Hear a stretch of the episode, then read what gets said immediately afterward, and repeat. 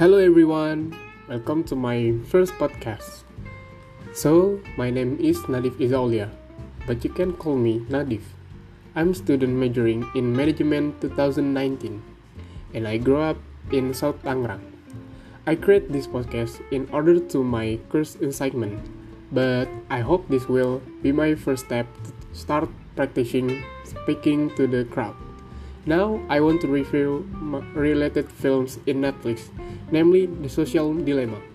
This documentary genre film directed by Jeff Orlowski explains how the manipulating of human behavior for the benefit of the company. This documentary film mainly tells about neg- the negative impact of social media and cyberspace.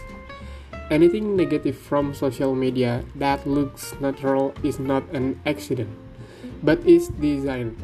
The designer of various social media platform monitor usage and influence user psychology.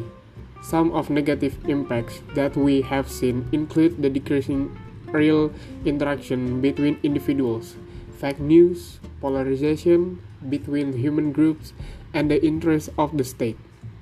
In this documentary, there are several interviews from search who design social media such as Facebook, Twitter, Instagram, and others. Those who previously created them are now worried about the impact. Tristan Harris, a former design enthusiast at Google, said, Never in history have 50 designers made a decision that would impact 2 billion people. Meanwhile, Anne Lembke, an addiction expert at Stanford University, explained the, the company is tapping into the brain's evolu evolutionary need for interpersonal relationship.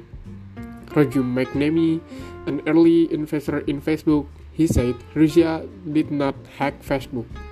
They just used the platform as the complement to interview. The filmmaker illustrated several scenes that were played by human. This can make easier for audience to understand the big, the big idea of this film. At the Boulder International Film Festival 2020, the Social Dilemma also received an award in the Impact Film Award category.